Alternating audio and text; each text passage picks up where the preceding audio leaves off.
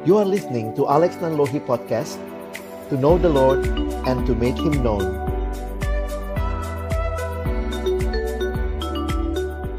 Opportunities and challenges Kepada Pak Juara saya persilahkan Baik, terima kasih uh, Dr. Doni Sekali ini mengucapkan Dr. Doni dengan langsung Baik, Bapak dan Ibu sekalian, uh, saya pikir mulai tanggal 17 Maret kita dipaksa untuk tinggal berkantor dari rumah, mengajar dari rumah, dan segala macam dari rumah. Dan kekagetan kita itu ya harus kita lakukan karena memang harus seperti itulah. Ketika itu nggak ada pelajaran agama. Semester sekarang kita mau ada pelajaran agama dan uh, tentu saja kita menjadi bertanya-tanya bagaimana kita berbicara soal persekutuan, kita berbicara soal uh, pelayanan di kampus, padahal kita nggak bisa bertemu langsung. Ini kan menjadi satu tantangan besar karena selama ini biar bagaimanapun kalau kita katakan namanya persekutuan maka intisarinya adalah bertemu, share. Uh, ketika kita bertemu, itulah kita bisa berbagi macam hal. Uh, kalau pelajaran saya mengajar sosiologi misalnya, saya mengajar uh, mata kuliah yang lain, itu agak lebih mudah gitu karena yang saya transfer lebih banyak adalah pengetahuan. Sekarang kita akan berbicara yang dalam kebingungan kita itu kita akan mendiskusikan bersama ketika kita mau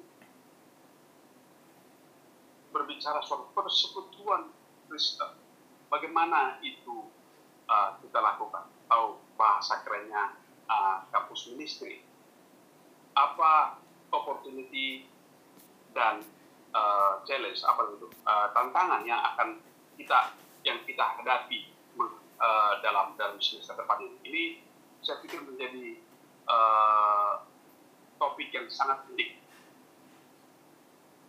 Uh, Bang Alex akan bicara pada kita. Kita tahu bersama Bang Alex sudah berpuluh tahun uh, aktif dalam pelayanan kampus dari mulai berkantor dan sekarang menjadi dosen di STT uh, Trinity dan uh, mudah-mudahan apa yang bukan mudah-mudahan. Saya yakin apa yang dibagikan oleh uh, Bang Alex dan nanti kita akan teruskan dengan diskusi uh, akan berguna buat kita untuk menghadapi semester depan. Bukan hanya soal pendidikan agama, tapi juga pendidikan lain juga. Bagaimana tantangannya adalah bagaimana kita bisa berbagi spirit dengan orang-orang yang kita uh, layani di kampus. Kira-kira itu yang saya bayangkan akan menjadi bahan diskusi kita sehingga uh, ini menjadi topik yang sangat menarik. Mudah-mudahan walaupun ini jam satu siang, jam satu siang biasanya jam yang agak ngantuk, tapi karena topiknya hangat, jadi kita bisa uh, menikmati diskusi siang hari ini. Uh, silakan Bang Alex. Baik, selamat siang Bapak Ibu sekalian. Selamat bertemu melalui online Pak Juara. Terima kasih sudah boleh memberikan pengantar jujur kita semua bingung, begitu ya. Dalam arti berarti kita tidak hanya harus mendengar dari satu pihak, karena itu juga saya menyadari siang hari ini kerinduan saya juga adalah mendengar dari Bapak Ibu sekalian berdiskusi sehingga kita belum ada yang terlalu expert untuk pandemic situation. Jadi ini akhirnya membuat kita satu sama lain perlu untuk belajar, saling mengasah, saling bercakap sehingga akhirnya apa yang bisa kita shape ke depan, bentuk ke depan melalui pelayanan mahasiswa ataupun persekutuan mahasiswa ini bisa sama-sama kita uh, bentuk dengan lebih baik dan tentunya Mungkin seperti sekarang ini juga begitu ya. Ada yang namanya uh, 1.0, nanti kemudian tahun depan lagi mungkin meningkat jadi persekutuan mahasiswa 2.0. Jadi kita terus akan mengalami perkembangan dan pembaharuan seiring berjalannya apa yang sama-sama uh, kita hadapi ke depan. Nah, Bapak Ibu yang dikasihi Tuhan, secara khusus saya melihat bahwa realita mahasiswa dan pandemi ini juga menarik untuk kita perhatikan karena ini bukan cuma masalah kesehatan semata. Tentu ada masalah kesehatan, tetapi bukan hanya masalah kesehatan karena pandemi ini bahkan telah menjadi masalah yang sedunia dan ini bicara masalah ekonomi, masalah sosial, bahkan juga masalah politik. Banyak yang minta ganti pemerintahan dan seterusnya memanfaatkan situasi realita ini. Nah, saya coba mem, me, apa ya, mengambil dari beberapa diskusi yang ada. Ini dampak-dampak pandemi kira-kira yang saya sempat rangkum untuk mahasiswa. Yang pertama, tentunya dampak kesehatan. Mungkin belakangan kita dengar bahwa ternyata orang muda juga uh, bisa terpapar COVID begitu ya. Dan saya pikir itu realita juga ketika pertama kali uh, terjadi juga dalam pelayanan kami di Jakarta satu mahasiswa yang kena. Dan itu juga yang membuat kami waktu itu uh, jadi satu klaster ya. Sempat kira-kira dua minggu kami harus karantina mandiri dan seterusnya. Jadi ini bukan cuma realita yang kenanya bisa yang uh, lebih senior dan seterusnya. Secara kerohanian ini dampak juga begitu ya. Mulai dengan bagaimana melihat um, apa ya kerohanian mahasiswa Bagaimana saat teduh mereka dalam situasi seperti ini? Bagaimana juga kita melihat semua ibadah jadi tele ibadah? Bayangkan selama ini nonton YouTube itu buat fun. Sekarang ibadahnya di YouTube begitu. Itu men-switch pikiran pun nggak mudah. Lalu kemudian masalah keluarga, walaupun banyak yang mungkin mengatakan bahwa ya mereka sih belum berkeluarga, tapi jangan lupa mereka tinggal di rumah, mungkin ada orang tuanya dirumahkan, ada pemotongan income, relasi dengan keluarga yang ketemu 24/7, sehingga juga itu membuat beberapa mahasiswa mengalami relasi yang konflik dengan orang tua dan seterusnya begitu ya. Next, dan juga ini sudah jadi masalah pendidikan dan saya pikir Bapak Ibu sekalian lebih aware dengan hal ini. Harus kuliah dari rumah, yang skripsi tingkat akhir, yang punya rencana studi lanjut, belum lagi bagaimana bisa fokus belajar.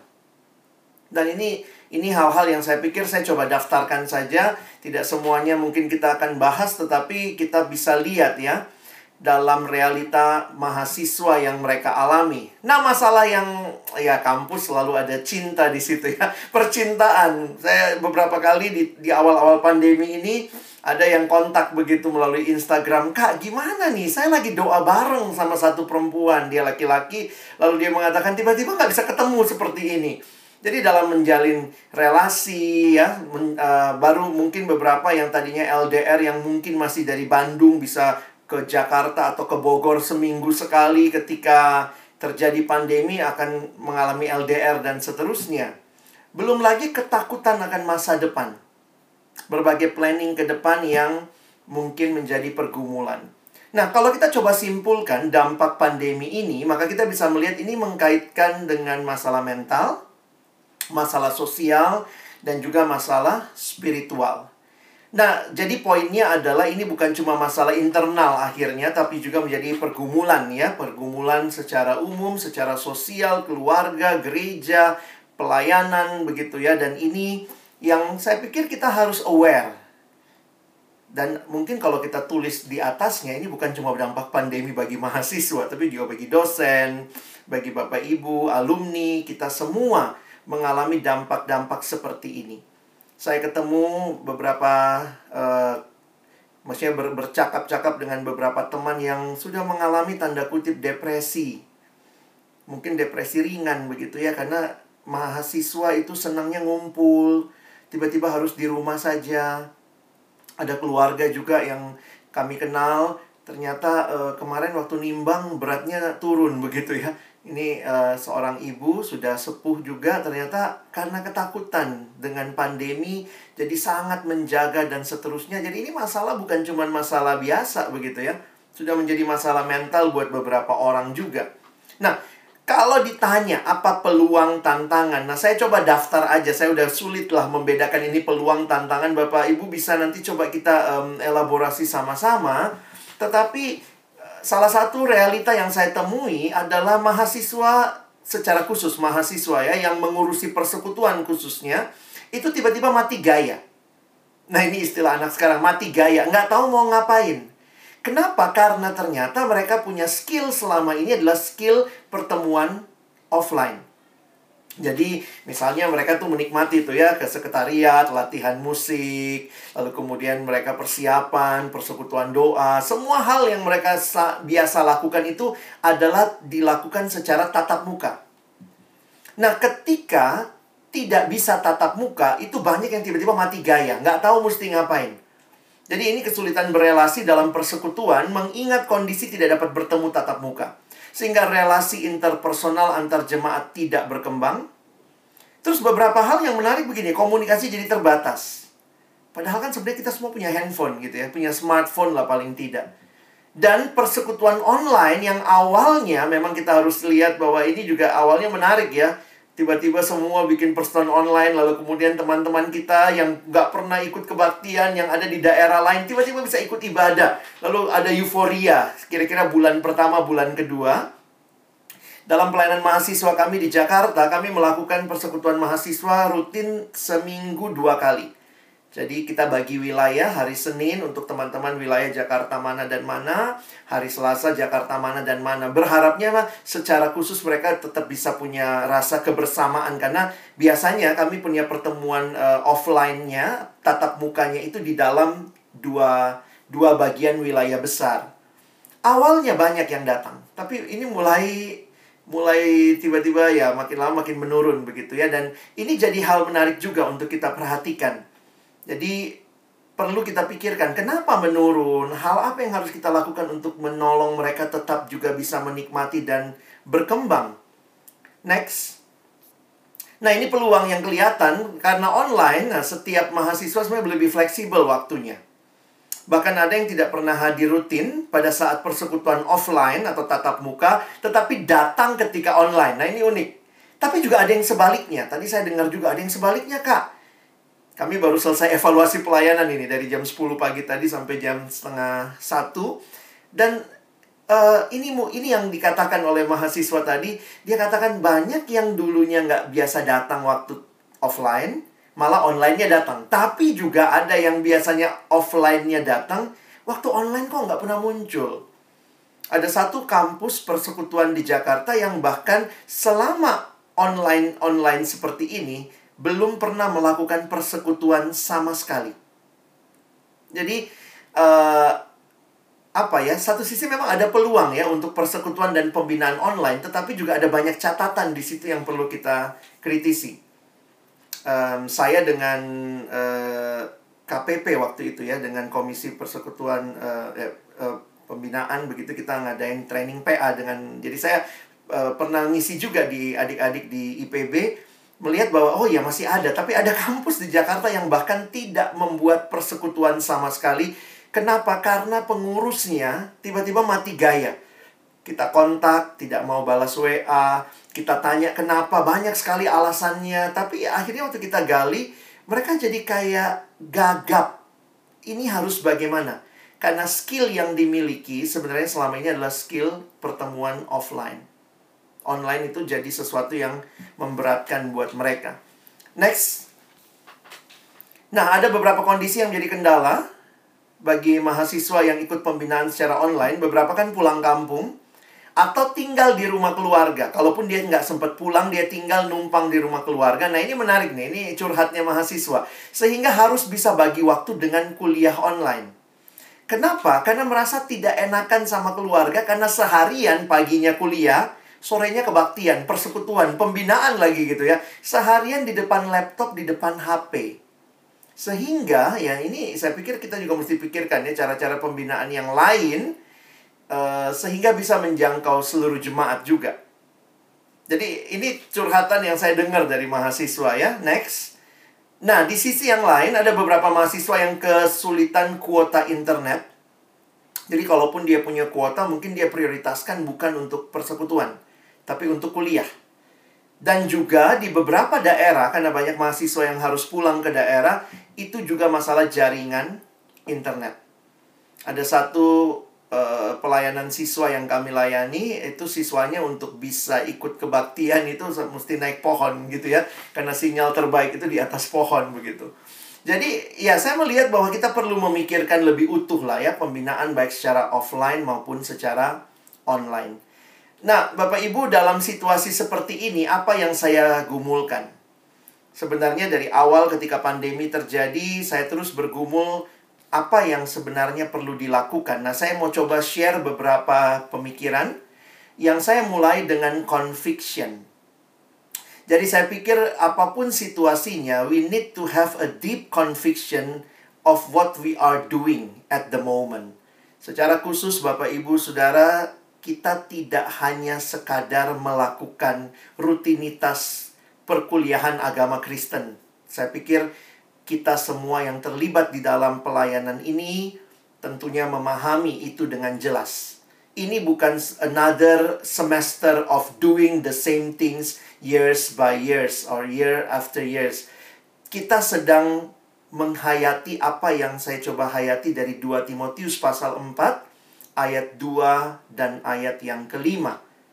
Next. Saya tuliskan ayatnya, saya nggak akan eksposisi khusus ya, Bapak Ibu nanti bisa mendalaminya. Tetapi saya melihat dalam ayat yang kedua ini, ini surat terakhir Rasul Paulus sebelum dicatat dia meninggal dunia martir. Tetapi kerinduannya begitu dalam bagi Timotius, anak rohaninya. Beritakanlah firman, siap sedialah baik atau tidak baik waktunya. Nyatakanlah apa yang salah, tegurlah, nasihatilah dengan segala kesabaran dan pengajaran. Ayat yang kelima, tetapi kuasailah dirimu dalam segala hal, sabarlah menderita, Lakukanlah pekerjaan pemberita Injil dan tunaikanlah tugas pelayananmu. Bapak Ibu Saudara yang dikasihi Tuhan, dari dalam penjara ketika Paulus menuliskan surat ini, fokusnya adalah beritakanlah firman. Saya menyimpulkan dengan istilah ini. Beritakanlah firman pada segala kesempatan, dalam segala kebenaran, dengan segala usaha. We need to have this conviction. Saya pikir we need to be in the same boat. Kita harus ada dalam perahu yang sama menyadari bahwa ini bukan sekadar satu uh, pembelajaran semata-mata tapi ini kesempatan untuk memberitakan firman sebagaimana Paulus mengatakan kepada Timotius, siap sedialah baik atau tidak baik waktunya pada segala kesempatan dalam segala kebenaran itu ada masalah tadi dia harus mempelajari bagaimana mengadres orang dengan pergumulan mereka dan dengan segala usaha. Nah, Bapak Ibu Paulus nggak ngomong ini dari kehampaan ya, but next nah, ini Paulus, he was in prison. Waktu Paulus bicara ini bukannya dia cuma bicara teori tapi dia dari dalam penjara. Dari dalam penjara Paulus bukannya terlena, bukannya laid back gitu ya. Lalu tunggu-tunggu kapan aku meninggal, apa apa akan diadili. Tetapi betapa Paulus di dalam penjara tidak membuat dirinya dan firman Allah terpenjara. Bahkan kalau kita lihat ada surat-surat yang ditulis oleh Paulus justru dari dalam penjara. Makanya sering kali disebut sebagai prison letters. Efesus, Kolose, Filemon, Filipi. Jadi dari dalam penjara bukannya stop memberitakan Injil. Jangan karena situasi kita jadi stop, tapi we need to have a deep conviction dan to start move together toward the the same direction ya. Nah, ini kutipan yang saya rindu juga bisa kita ingat sama-sama waktu mengerjakan pelayanan ini. Di dalam bahasa Inggris dikatakan God's word can never be changed by its opponents only by its messengers. Jadi firman Allah tidak akan pernah terbelenggu oleh para penentangnya. Mungkin banyak orang yang nggak suka firman Allah diberitakan, tetapi firman Allah justru terbelenggu ketika pemberitanya tidak benar-benar memberitakannya, menutup mulutnya, atau mungkin dalam situasi sekarang ketika pemberitanya mati gaya, kita nggak tahu mesti ngapain, lalu kita stop. Ya sudahlah semua diberhentikan kita nggak tahu mesti ngapain. Nah karena itu dari conviction ini saya bagikan ini kepada teman-teman mahasiswa di Jakarta dalam beberapa kali pertemuan supaya kita sama-sama punya keyakinan bahwa ini situasi bukan menjadi penghalang ya coba Bapak Ibu pikir ya Paulus ini dari dalam penjara. Dia pakai media yang ada pada masanya. Medianya apa? Surat. Jadi kalau ditanya, tatap muka, kita nggak bisa tatap muka, Kak. Gitu ya, anak-anak ngomong gitu. Saya bilang, ya apa yang ada padamu gitu. Tuhan nggak minta apa yang nggak kamu punya. Paulus dari dalam penjara ketika ada gulungan-gulungan kitab dia menuliskan di situ. Bagi saya ini ini media yang Paulus pakai. Kalau mungkin Paulus hidup sekarang, maka mungkin Paulus akan nulis terus ya di Facebook gitu ya.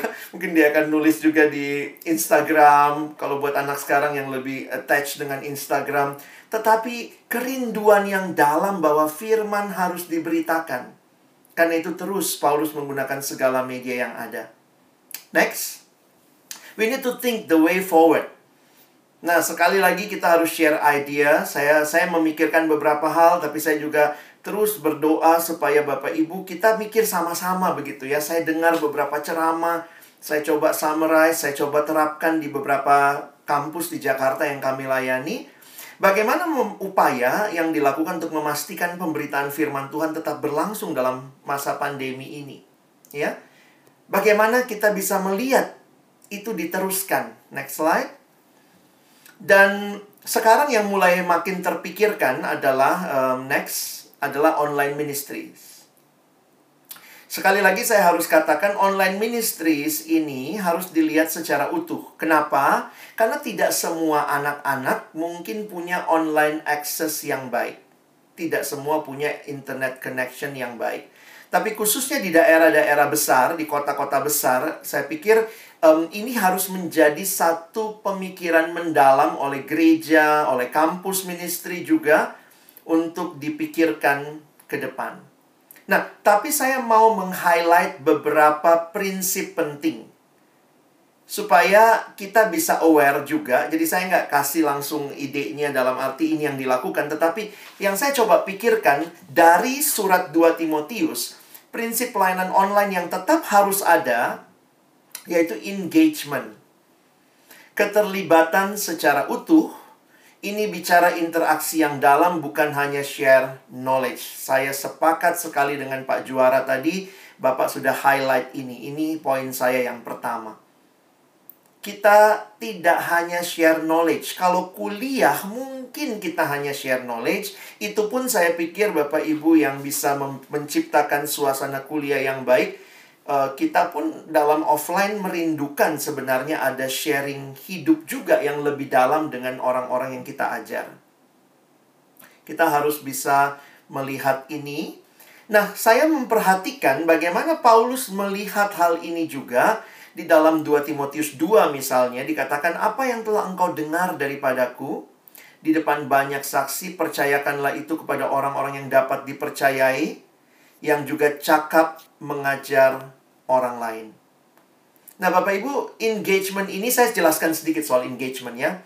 Jadi sebenarnya engagement ini juga satu kata yang menarik di dalam dunia media sosial sekarang.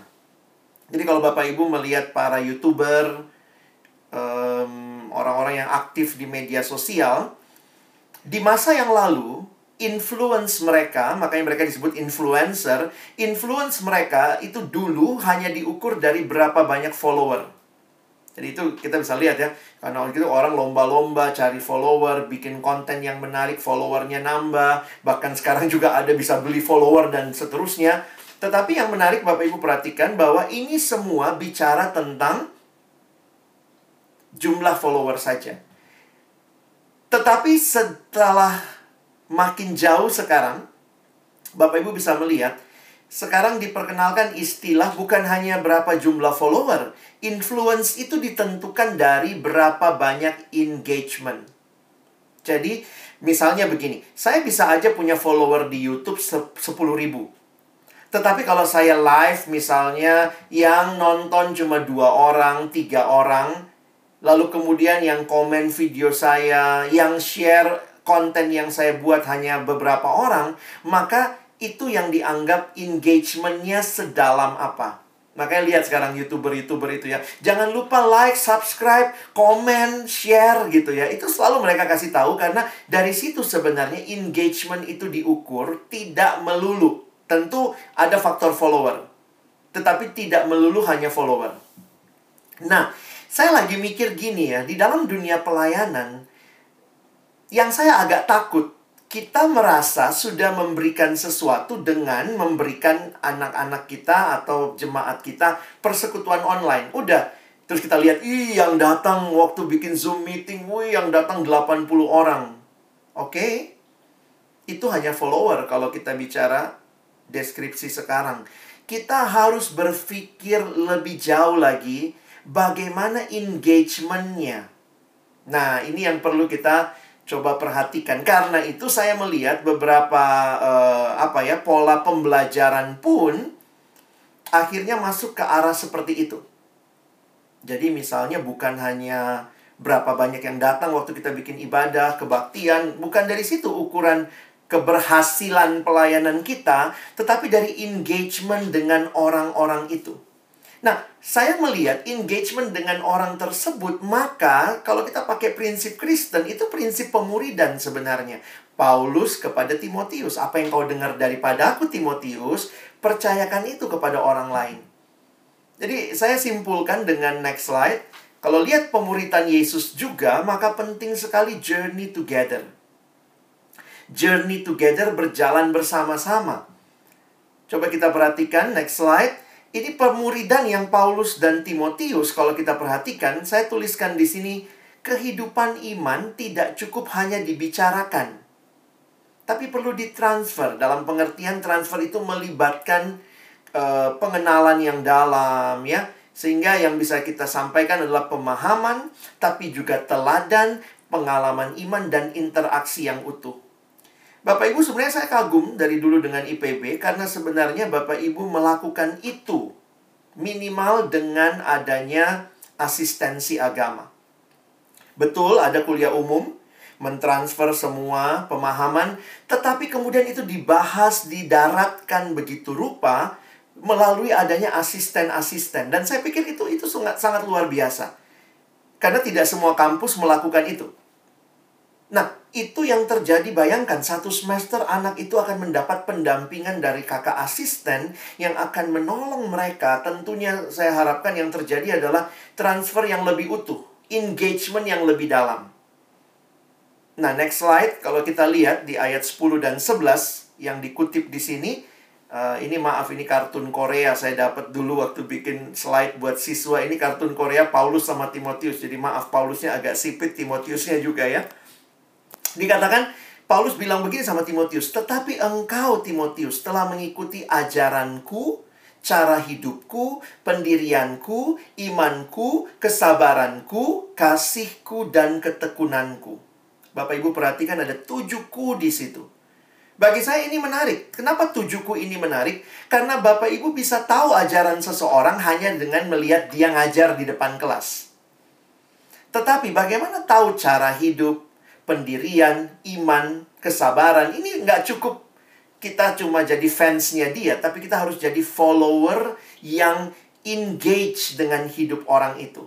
Dan termasuk kalau kamu leader, engkau adalah pemimpin, engage dengan orang yang dipimpin. Jadi saya pikir itu uh, apa ya IPB punya warisan yang baik dalam pembelajaran agama yang bukan hanya menerapkan ajaran, menyampaikan ajaran, tetapi ada kelas-kelas atau asistensi yang menolong hal ini terjadi. Nah, Bapak Ibu bisa lihat next slide. Ini yang Paulus bilang di dalam ayat 11, karena ternyata Timotius itu dia ajak. Ya, jadi ini keterlibatannya mendalam sekali. Makanya Paulus bilang, engkau telah ikut menderita penganiayaan dan sengsara seperti yang telah kuderita di Antioquia dan di Iconium dan di Listra.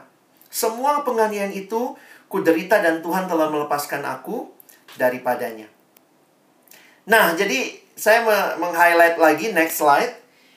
Prinsip penting pelayanan online itu sebenarnya adalah mentoring personal. Nah, ini juga perlu untuk kita membaharui juga pemahaman kita, walaupun mungkin teman-teman yang nanti akan jadi asisten agama, walaupun yang kita pimpin adalah kelompok, mungkin kita buat grup WA kelompok, tetapi sebenarnya perhatian dan apa ya doa kita ataupun cara kita mendekati harusnya itu personal. Kenapa? Karena saya melihat begini, ketika pandemi ini terjadi, dengan begitu banyaknya masalah termasuk masalah mental, masalah sosial, saya makin melihat bukannya kita nggak butuh pelayanan kelompok besar, tentu kita undang pembicara sampaikan materi, tetapi persekutuan harus berpikir lebih jauh kepada pelayanan relasional dan personal. Saya pikir itu jadi satu hal peluang, tantangan yang harusnya ditangkap dengan kuat. Di masa yang lalu, pelayanan kita itu biasanya fokus kepada pembicara. Jadi kita siapin acaranya, undang pembicara, penyebicara, sampaikan materi, selesai. Nah, sekarang juga kayak saya melihat begitu. Jadi kita kayak pindahin ya. Oke, sekarang bikin kebaktian, undang pembicara. Udah, pokoknya semua anak datang, 300 anak baru mungkin nanti masuk dalam uh, uh, Zoom meeting kita atau apa. Tapi what, apakah itu selesai?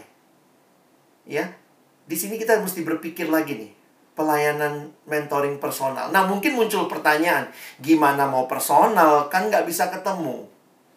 Saya harus ingatkan juga, ini satu apa ya satu keluh kesah yang saya dengar terus di pelayanan.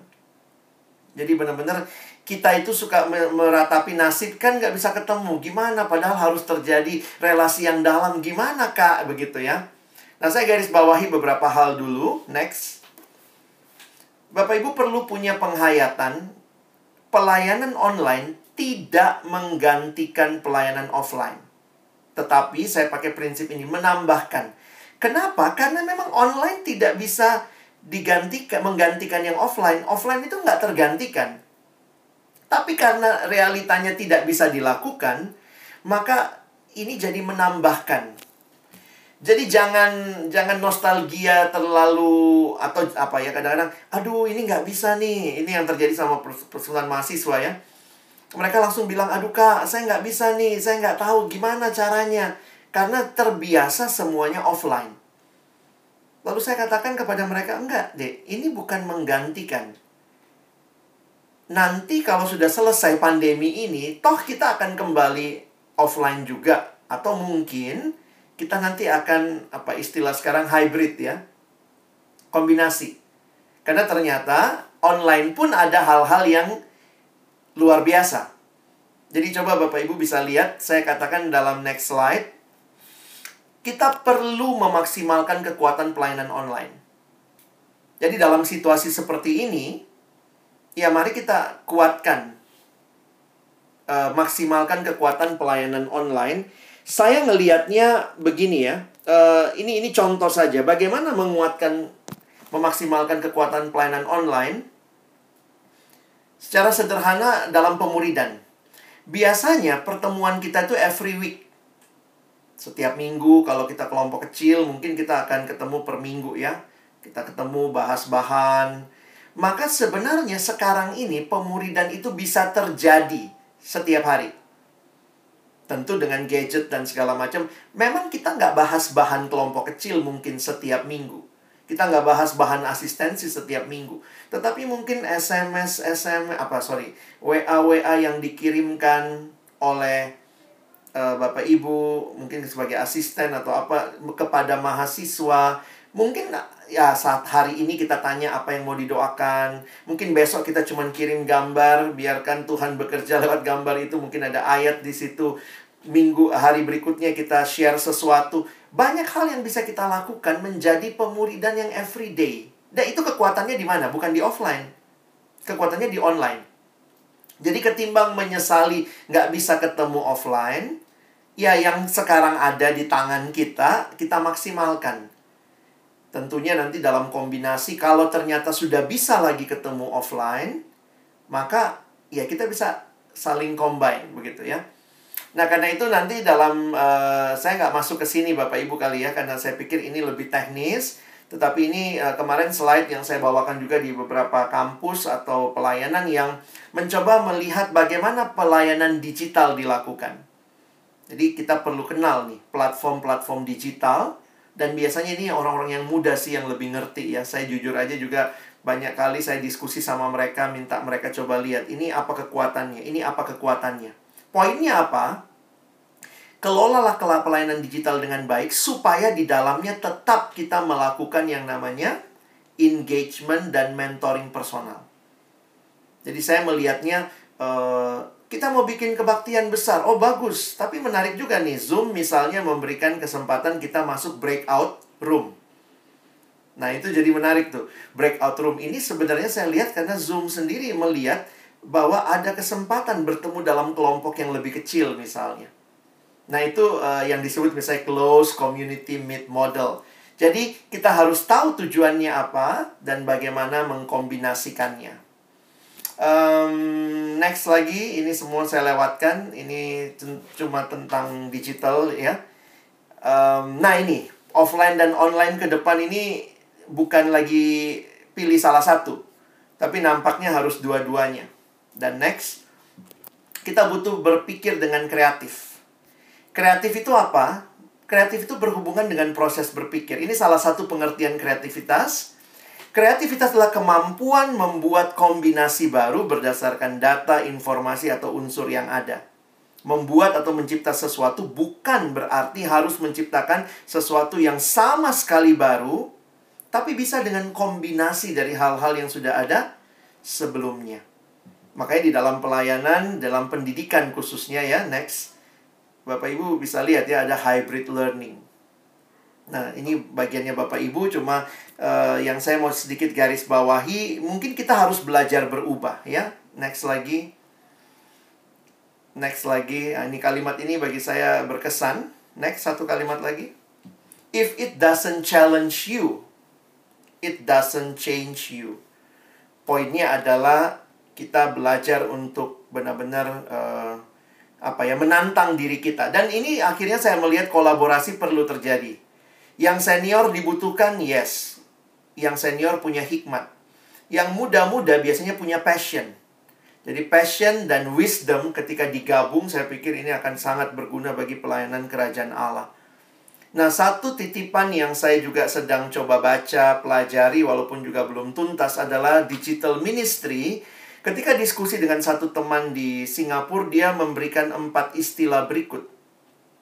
Dia bilang e, sebenarnya kalau kita mau masuk pelayanan online ini kalau bicara nanti online ministry begitu ya digital ministry, dia katakan pertama tuh mesti pilih platform.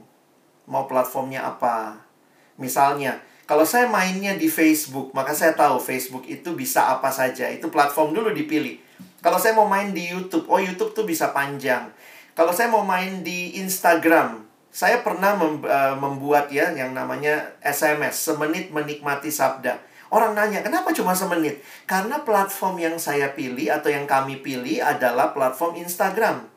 Sementara Instagram itu di story, uh, sorry, di Instagram feednya cuma bisa maksimal satu menit. Jadi memang menarik nih, kita mesti berpikir nih digital platform yang dipikir apa. Lalu kita mesti pikirin digital pedagoginya. Digital pedagogy ini Bapak Ibu mungkin orang pendidikan bisa mendalami tapi bagi saya menarik ya, karena ternyata pedagogi yang harus terjadi itu juga beda ketika kita memilih pedagogi yang digital. Lalu sesudah itu nanti kita mesti melakukan training skill, kumpulin orang, sosialisasi, baru kemudian dia mengatakan konten itu sebenarnya yang paling akhir. Poinnya bukannya konten nggak penting, tetapi konten itu kita udah punya kita udah tahu nih, kita mesti nyampein apa. Bapak Ibu kan udah tahu nih waktu ngajar agama apa yang mau disampaikan. Tapi jangan-jangan kita mesti lihat dulu nih, platformnya apa. Oh, nanti pertemuan kita pakai Zoom. Kalau Zoom itu bisa apa saja. Oh, bisa breakout room. Lalu pedagoginya kita pikirin. Oh, sekarang awalnya kita kumpul dulu sama-sama. Nanti pelajar agama, misalnya 15 menit ada yang nyampein sesuatu. Sesudah itu, pedagoginya mungkin masuk breakout room. Habis itu kumpul lagi. Nah, itu sebenarnya cara pembelajaran yang harus dipikirkan setelah kita melihat apa platform yang kita pakai. Lalu skillnya, makanya kalau seperti itu akhirnya semua harus di training ya. Begini loh, bahan yang sudah ada kita kita transfer menjadi bahan yang akan dipakai secara, secara digital. Jadi itu uh, yang saya lagi pikirkan juga, yang kiranya Bapak Ibu uh, di situasi seperti ini mari kita sama-sama berpikir lebih dalam, melihat peluang, kesempatan, dan akhirnya terus ingat our deep conviction. Semua ini karena kita ingin menyampaikan firman Tuhan bagi generasi ini.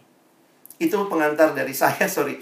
Kiranya Bapak Ibu bisa uh, berdiskusi juga dari pengantar ini untuk kita sama-sama melihat apa yang harus terjadi ke depan. Thank you. Makasih uh, Pendeta Alex. Sama-sama Pak. Uh, saya pikir uh, COVID sudah mendisrupsi kita. Siang ini Bang Alex yang mendisrupsi kita. Artinya uh, terutama buat generasi-generasi uh, baby boomers pasti ah saya nggak bisa, saya nggak bisa. pasti ada ada ada kesan seperti itu. Tapi tapi kalau kita punya conviction tadi itu ya, conviction tadi saja kita tidak boleh lah menyerah, nggak boleh sama sekali tidak boleh menyerah dengan dengan situasi apa yang kita lakukan. Kalau saya misalnya akan meminta orang yang lebih muda untuk membantu saya dalam rangka skill. Betul pak. Nah, nah, saya pikir itu oh, tantangan dari uh, pendeta Alex untuk kita dalam uh, menghadapi pelayanan semester depan dan yang tadi itu engagement dan personal uh, apa itu personal mentoring itu menjadi sangat penting karena yang kita layani bukanlah gerombolan tapi individu-individu yang sangat dihargai oleh Tuhan. Makasih uh, pendeta Alex. Uh, kalau tadi di awal saya katakan Bang Alex, sekarang harus saya katakan pendeta Alex. Nah, agak agak apa saya? Baik. Uh, saatnya buat kawan-kawan bahwa dan ibu sekalian untuk memberikan uh, komentar uh, bisa pertanyaan bisa apa pengalaman iya. dan bisa uh, apa namanya itu uh, saran buat kita semua silakan siapa yang mau uh, mempergunakan kesempatan ini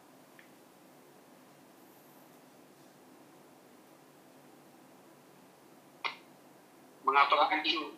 Oke. Okay. Di sini juga ada adik-adik asisten dan juga ya. dari BPH. Jadi boleh juga bertanya begitu, Pak. Silakan. Ya, uh, justru sebenarnya itu tantangan tantangan dari Bang Pendeta Alex tadi kan seperti itu. Bagaimana mengkombinasikan yang besar dengan yang kecil itu. Mudah-mudahan jam 3 nanti kita lebih lebih detail lagi karena jam 3 kita akan bicarakan soal teknis pelayanannya.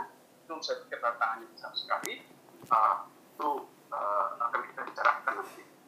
Oke, silakan siapa yang mau uh, mempergunakan kesempatan ini? Silakan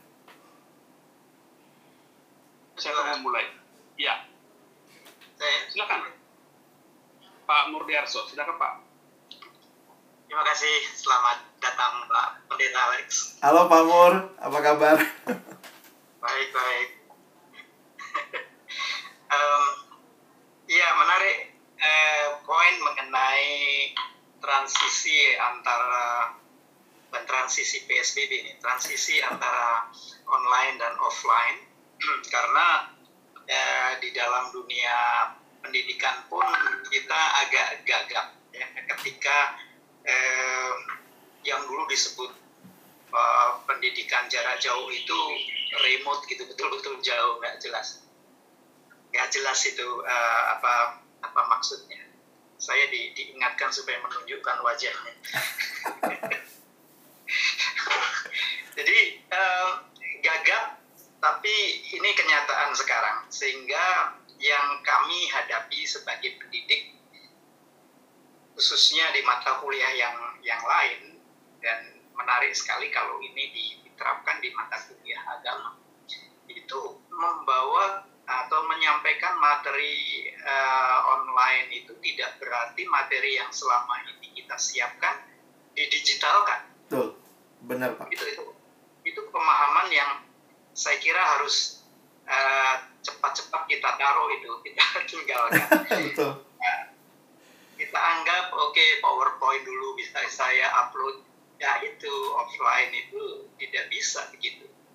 Terutama kalau kita bicara soal pembinaan nah, engagement dan personal touch itu tidak tergantikan eh, ketika kita offline. Nah ini ini bagaimana di di apa istilahnya surugitnya, penggantinya apa supaya hal itu ada semacam kompensasi sehingga kita bisa tetap menjaga itu karena ini penting sekali kita cara teladan-teladan teladannya online itu kan susah.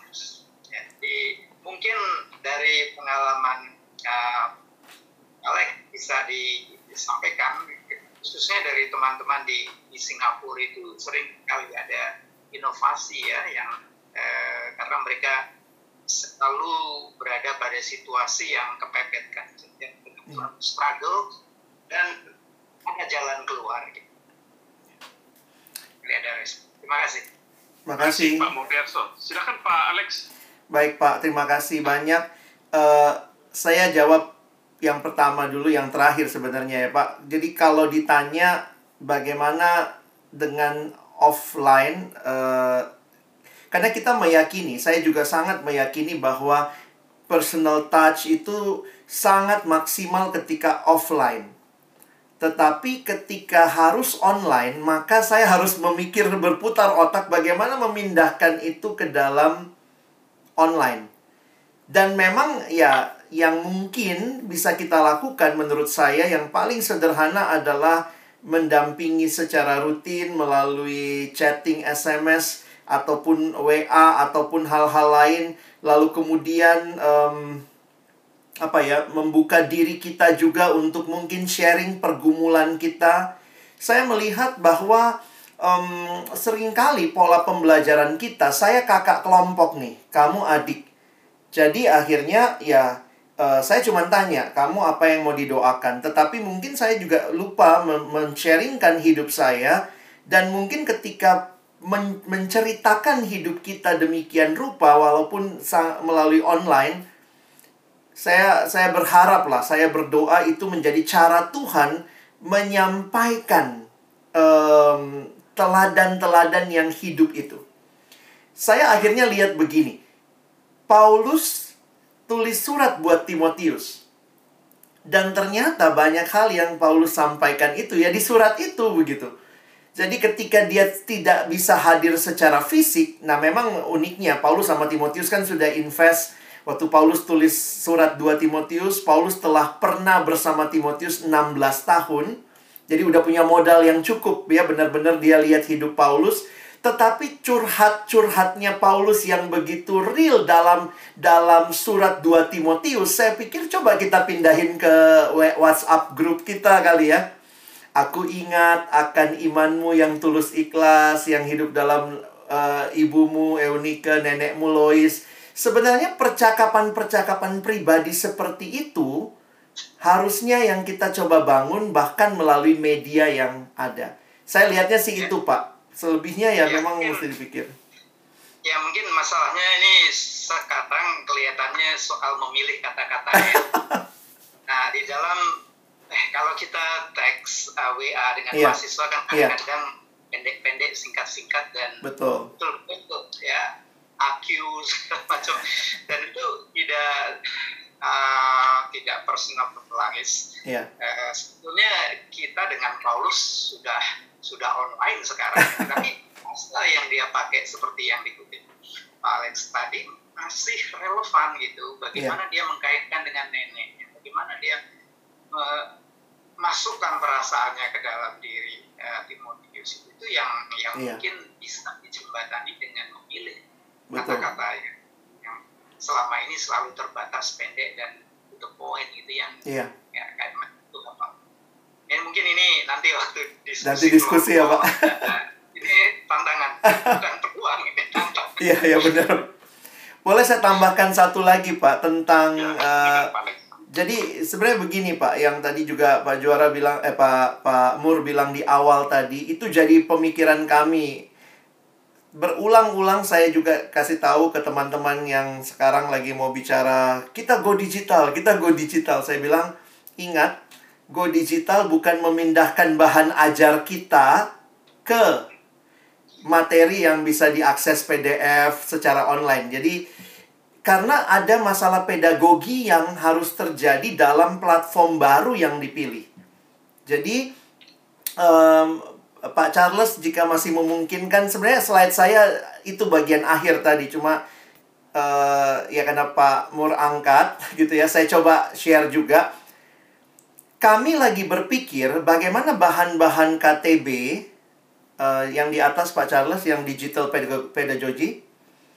Jadi sebenarnya waktu saya cari-cari ternyata ada teorinya begitu ya dan waktu saya pelajari teorinya sekilas karena saya juga belum dapat literatur yang sangat mumpuni begitu ya.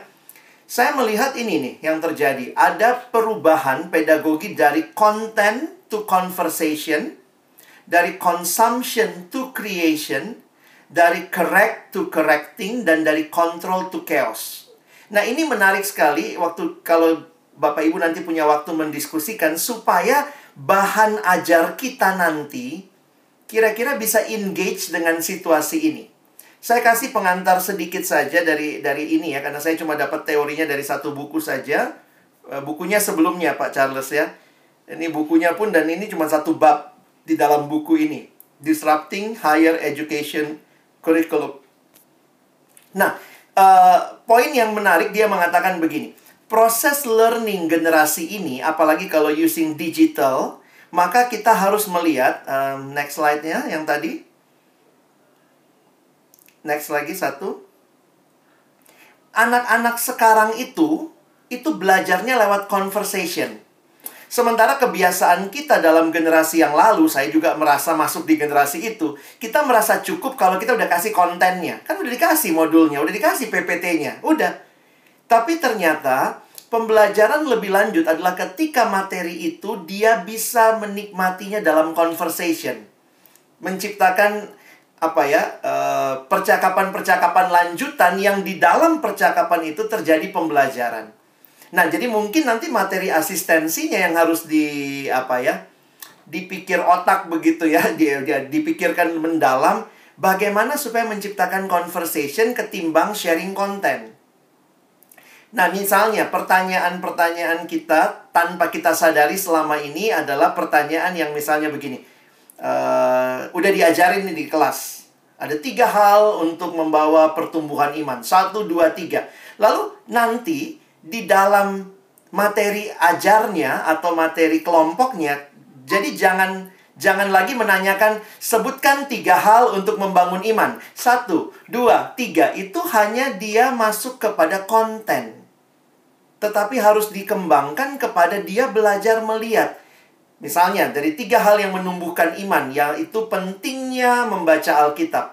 Maka pertanyaannya adalah, dalam situasi situasimu saat ini, bagaimana membaca Alkitab telah menolong kamu bertumbuh dalam iman? Nah, itu pertanyaan yang akan menimbulkan conversation, bukan mengulang konten. Jadi, saya waktu pelajari iya juga ya, jangan-jangan kita pindahin materi kita online hanya karena bisa diakses PDF-nya, tapi di dalamnya yang terjadi cuma sebutkan tiga hal yang disebutkan tadi begitu. Lalu nanti dari consumption to creation dia kasih contoh begini. Um, setelah selesai misalnya belajar bab 2, maka mungkin kita akan minta tolong adik-adik atau teman-teman kita coba buat video singkat 2 menit tentang apa yang kamu pelajari dari bab 2. Jadi dia bukan hanya mengkonsumsi materi itu, tapi waktu dia memikirkan bagaimana menjadikannya video 2 menit, anak sekarang edit video pinter-pinter ya. Gimana mengedit video 2 menit, dia belajar lagi. Dari materi itu, apa highlightnya. Nah, itu menarik itu. Jadi, ini ini saya pikir iya ya, pola seperti ini yang kita harus waspadai supaya jangan sampai kita cuman going online hanya karena materinya kita pindahin. Kira-kira gitu Pak dari saya.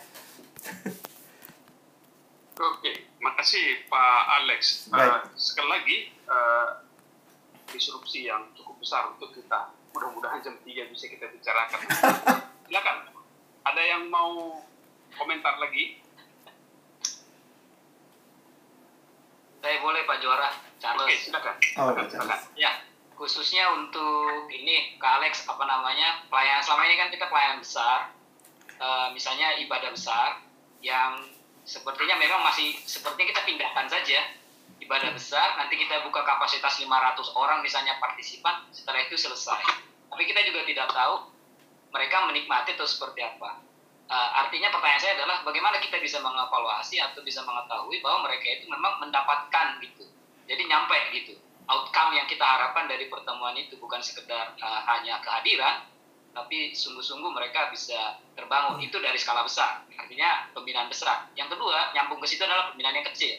Misalnya pembinaan kecil adalah kelompok-kelompok ATB kalau tadi memang ada salah satu tantangannya adalah nanti seharian dia semua di depan karena sudah seharian kuliah online, apalagi nanti sebentar lagi nih bulan 8 ini kita masuk tahun ajaran baru.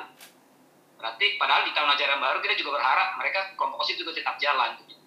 Nah, kira-kira bagaimana ya Pak meng mengoptimalkannya begitu? Jadi tetap beri ringan, jadi yang kelompok besar tadi seperti itu, oke. Okay. Yang kecil ini juga supaya ada 100% tadi tuh Kak. Iya. Nah, apakah ada hal lain mungkin pengalaman teman-teman di Jakarta tadi dari Singapura juga begitu? Boleh di Terima kasih Kak. Uh, ya kita kita semua lagi nyoba sih ya. Jadi yang yang mungkin yang mungkin saya sharingkan adalah apa yang dicoba.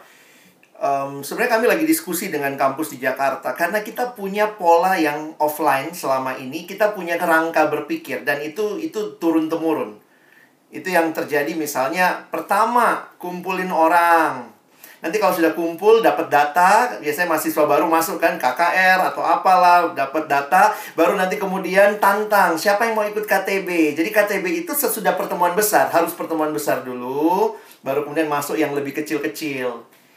Saya lagi berpikir begini sih, apa nggak apa mungkin dalam situasi kayak begini jadi dibalik ya?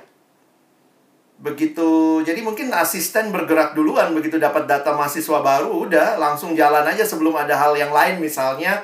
Itu udah berjalan entah PMK atau siapa pun yang melakukan.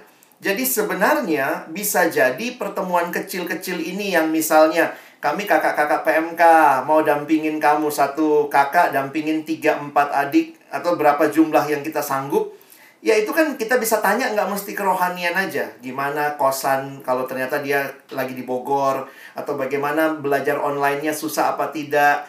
Jadi maksudnya sudah ada kelompok-kelompok yang sebenarnya memperhatikan. Dan nanti pertemuan besar itu jadi puncak sebenarnya dari... Jadi uh, itu mengubah pola pikir kita. Bukannya kita dapat data lalu suruh ikut kebaktian besar baru masuk kelompok saya agak takut juga nanti benar-benar dia stranger di dalam ibadah besar. Belum lagi kita juga bingung kalau ibadah terlalu besar agak susah breakout room. Itu orang nggak saling kenal, mau ngobrol apa. Tapi kalau dia sudah punya kelompok, maka mungkin setelah kebaktian besar yang memang kita nggak sanggup evaluasi, maka kita bisa minta. Uh, coba dong uh, kelompok kita minggu ini bahas kemarin khotbah kemarin di pertemuan besar. Jadi dia sudah punya kelompok yang basic untuk bisa berjalan bersama selama satu semester itu baik untuk kuliah dia, untuk apa tapi itu didampingi oleh kakak-kakak alumni-alumni dari PMK. Kira-kira seperti itu yang saya coba bayangkan. Um, lalu untuk bagaimana supaya menghindari orang nggak konsum konsumtif habis mungkin kita perlu berpikir juga Nah, ini yang kami lagi lakukan ya, menyederhanakan bahan KTB. Bahan-bahan pembinaan mungkin disederhanakan sehingga bisa begini. Mungkin banyak hal yang harus dilakukan sebelum online. Nah, ini kita juga belum tahu efektivitasnya, tapi lagi dicoba. Misalnya uh, dia sudah jadi pertemuan online-nya misalnya cuma setengah jam atau 45 menit tidak usah lama. Jadi kadang-kadang kan kalau kita sekarang pikiran kelompok kecil KTB tuh dua jam, dua jam setengah, maka habis tuh waktunya dia. Padahal menatap layar, udah belajar seharian, malamnya lanjut KTB itu sangat melelahkan. Jadi mungkin kita harus mengubah pola. Pertemuan online akan membahas bukan bukan pembelajarannya itu terjadi offline secara pribadi maksudnya. Lalu online-nya itu tinggal mensummarize atau mungkin uh, more more conversation, more conversation rather than just um, throwing content. Kira-kira seperti itu. Mungkin juga kita bisa anak sekarang misalnya Bapak Ibu ada Bible project, it's very good. Bible project, kita bisa aja minta mereka nonton dulu Bible project di YouTube misalnya waktu mau bahas kitab apa dan waktu kita ketemu online, kita hanya akan discuss rather than uh, apa ya mengajarkan the whole things when online. Saya lihatnya sih mungkin ke depan kita mesti kolaborasi pakai konten-konten orang gitu ya kira seperti itu. Terima kasih kak. Thank you. Oke, terima kasih. Masih ada kawan yang kita masih punya waktu kira-kira 15 menit. Silakan siapa yang mau memberikan mem mempergunakan kesempatan ini.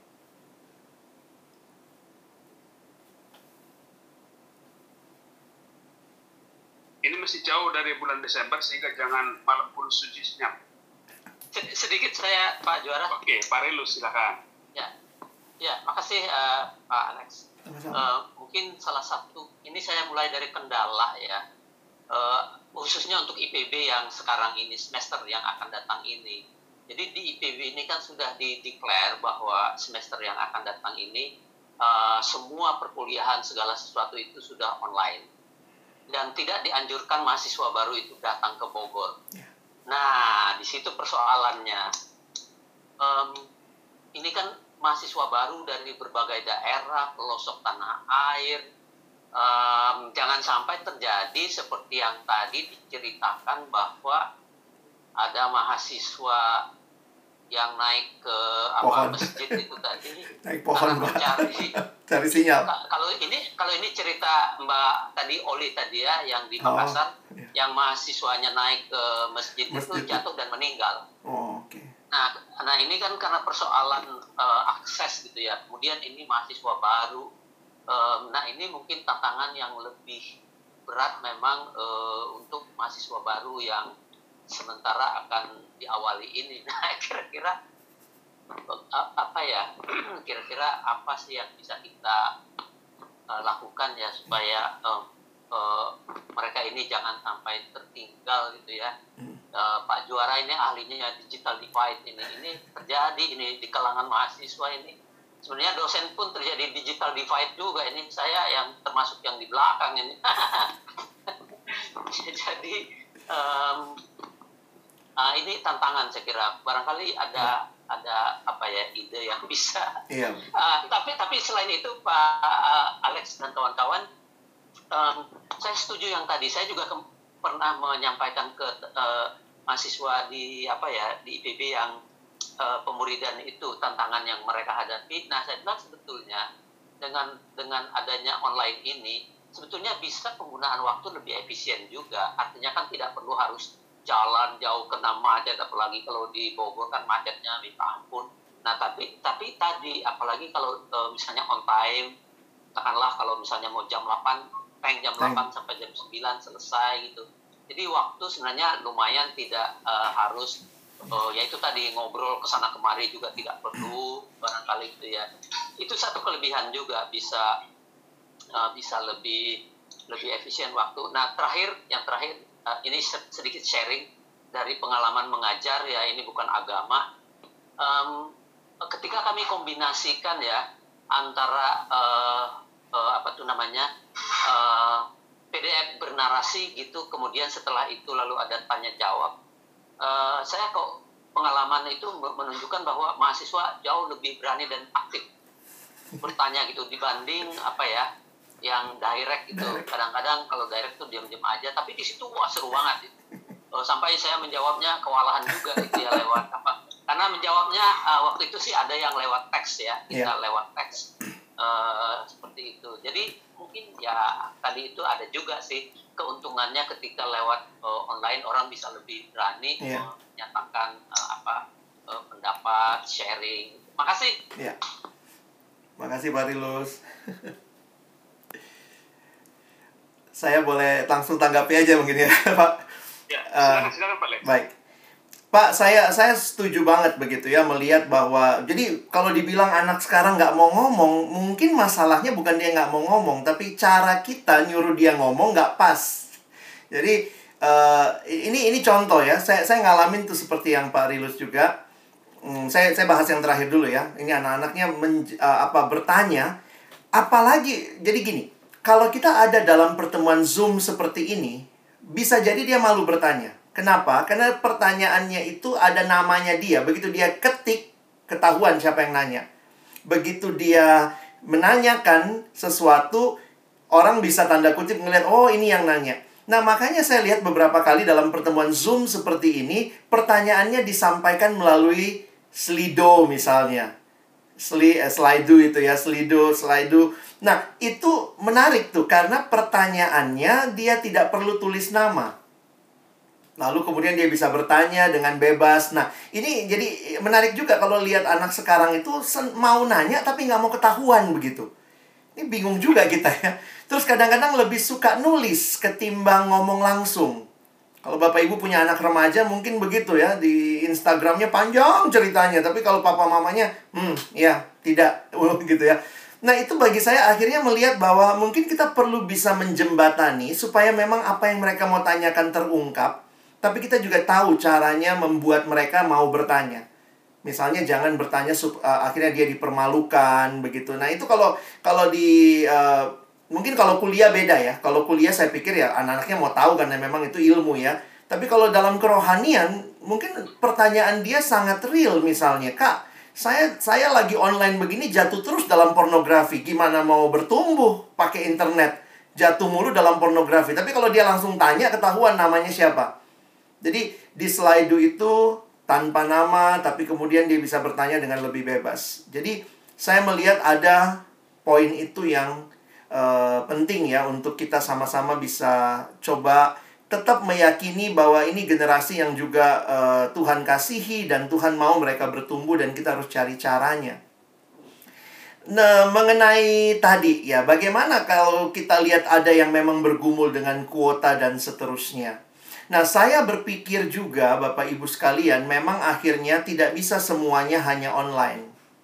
Ada hal-hal yang Bapak Ibu mungkin harus pikirkan uh, Nah, saya nggak tahu nih gimana uh, untuk uh, konteks nanti Bapak Ibu kan yang kenal mahasiswanya ya. Mungkin perlu bikin survei siapa yang kesulitan jaringan, siapa. Jadi misalnya asisten agama juga bisa bisa aware dengan kondisi setiap adik-adik. Um, saya pernah bikin bahan.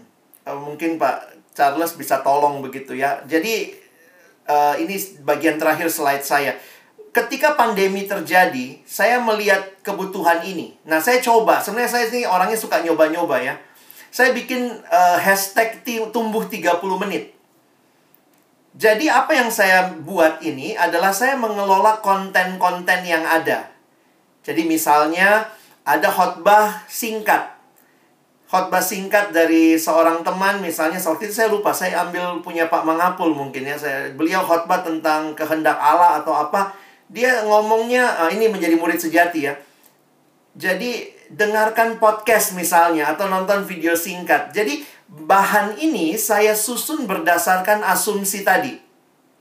Bahwa dia bisa pakai pribadi, waktunya hanya 30 menit dan kita kasih akses ke konten-konten yang mereka lebih gampang dengar. Ketimbang suruh nonton video khotbah satu jam, itu makan kuota dengar Spotify yang mungkin lebih singkat, dia bisa. Jadi saya kasih pilihan, silakan mau dengar bisa, mau nonton bisa. Tapi kemudian sesudah itu next, uh, ya ini kayak ada ada ada pertanyaan-pertanyaan yang lebih melibatkan conversation sebenarnya. Ini ini yang belum terlalu tajam pertanyaannya, tapi poinnya adalah saya tulis di situ renungkan secara pribadi. Jadi uh, apa yang Tuhan ingatkan, uh, tulis kalimat singkat. Ini anak sekarang senang berbagi. Tulis kalimat singkat, lalu kamu share sama temanmu, share di media sosialmu, hashtag segitu.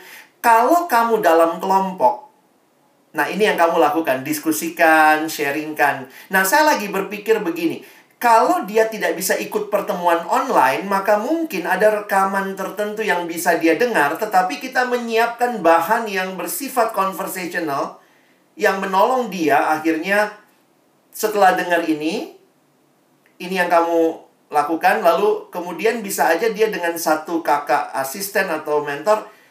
Jadi uh, poin saya adalah walaupun dia sulit sinyal mungkin dia nggak bisa ikut pertemuan online waktu uh, secara live. Tetapi dia bisa diberikan bahan lebih lanjut untuk menolong dia apa yang mesti dia dengar setelah dengar ini apa langkahnya dan bagaimana seterusnya. Lalu mungkin kakaknya janjian nanti saya telepon ya 5 menit kita diskusi apa yang kamu dapat misalnya seperti itu. Jadi poinnya adalah coba pikirkan caranya supaya yang tidak bisa online pun tetap bisa belajar. Kira-kira seperti itu sih pak. Kasih. Ya. Baik. Terima kasih. Kita masih ada waktu untuk satu orang lagi Pak, Pak Juara. Ya, silakan. Ya, silakan silakan Pak Pak Pak James. Ya, ya, terima kasih. Terima kasih ya. Pak James. Nah, tadi saya dengar uh, sekarang ini begitu mengagumkan uh, apa namanya itu platform online ini untuk segala macam cara dari bidang pendidikan, pengajaran, kemudian spiritual dan seterusnya gitu ya. Nah, saya jadi berpikiran gitu, ya, yang membuat kita begini kan karena ada bahaya COVID. Ya kan? Nah, kalau saya lihat dari dulu, memang anak-anak muda itu ya apa namanya pakai internet atau apa yang bukan untuk belajar hanya untuk dia lihat sesuatu gitu ya. Nah, atau apa chatting dan segala macam bukan untuk belajar gitu. Tapi sekarang dipaksa untuk belajar dia. Nah, Nah pengalaman saya, saya nggak tahu waktu saya ngajar daring apa dia tidur atau apa saya suruh apa uh, open kamera dia nggak nggak mau juga gitu. Nah, hal-hal seperti ini kan saya kira masih lebih bagus lah kalau kita uh, offline gitu ya dalam pengajaran dibanding dengan online seperti itu gitu. Nah, tapi memang dahsyatnya COVID-19 ini ya membuat manusia ini harus patuh sama dia supaya online kan nah, semuanya pun online satunya itu misalnya bagaimana kita mengevaluasi spiritualitas dari mahasiswa gitu. Nah, susah itu. Nah, artinya dia buka uh, zoom misalnya ikut dia kita nggak tahu apa yang dia lakukan gitu. Tapi kalau offline kita tahu dia tidur dia di kelas gitu kan. Atau apa kirim-kirim kertas dengan temanya atau bagaimana tahu kita gitu. Tapi kalau offline kita nggak tahu gitu. Jadi nggak tahu kita bagaimana pertumbuhan spiritualitas dia gitu di dalam uh, apa uh, mendapatkan pengajaran dari kita gitu ya. Nah yang berikutnya saya kira ya ya selesailah pandemi covid ini supaya bisa offline lagi gitu ya. Itu Tapi sudah. saya kurang yakin bahwa nanti uh, online ini akan berjalan terus. Nah, karena online ini kan dari dulu di di di, di apa orang gitulah artinya bahwa ini adalah agen 666 gitu kan dan seterusnya gitu kan uh, akhir zaman gitu ini bagaimana nih tanggapan dari Pak Pak Agus Nanlo ini kita diajar sekarang untuk 666 kita sekarang. Terima kasih lah. Terima kasih. Silakan Pak. Silakan Pak Terima kasih Pak. Pak James ini berat ini Pak James ini. uh, kira-kira 20 tahun lalu atau 30 tahun lalu kali Pak, ketika komputer pertama kali muncul, nggak banyak orang mau beralih dari mesin ketik ke komputer. Jadi maksudnya saya melihat memang ada ada ini ya. Bahkan dulu ya saya ingat sekali itu kan komputer dibuat lah itu C O M P U T E R. C itu C itu 1 2 3, C itu 3, O itu J K L M N O. O itu 15. Saya ingat sekali nanti Bapak Ibu bisa coba ya. C O M P O U T E R itu masing-masing dikali C 3 kali 12 kalau nggak salah. Nanti cobalah ditambahkan semua itu bawahnya 666. Jadi dulu, dulu saya ingat banget itu. Saya ingat banget itu uh, semua waktu komputer muncul dibilanglah uh, alatnya setan begitu ya. Tetapi sekarang gereja mana yang nggak pakai komputer kira-kira begitu ya. Jadi mungkin saya bukan mengatakan ini ya Pak, bahwa kita harus waspada tanda-tanda akhir zaman dengan segala simbolnya. Tapi uh, ada hal-hal yang juga Tuhan berikan, kita harus aware dan itu bisa kita pakai untuk kemuliaan Tuhan. Internet untuk orang buka porno bisa jatuh dia dalam dosa. Untuk cuma gosip-gosip bisa.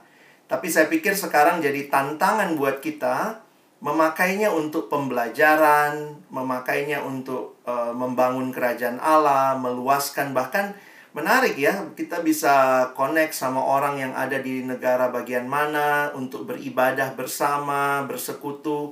Jadi saya tetap melihat kalau uh, teknologi itu netral ya.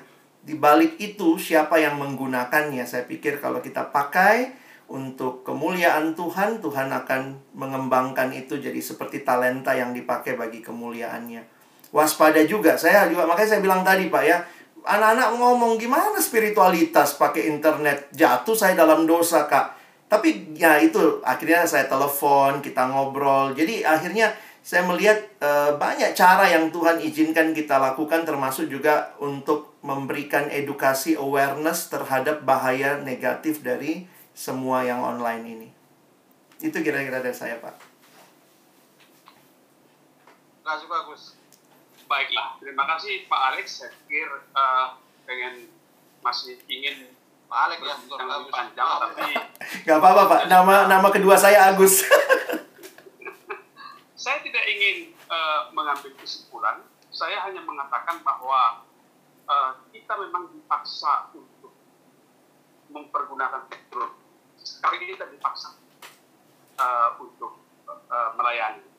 Dan teknologi itu ada yang sinkronus, ada yang non sinkronus, dari sudah diceritakan, ada yang miskin, ada yang kaya, ada yang uh, video saja, ada yang audio visual, sorry, ada yang ada yang audio saja, ada yang audio visual. Kita dipaksa untuk belajar terus mempergunakan teknologi ini melayani. Dan saya katakan harus dipaksa karena bukan hanya teknologinya yang berubah, tetapi orang yang kita layaninya juga berubah.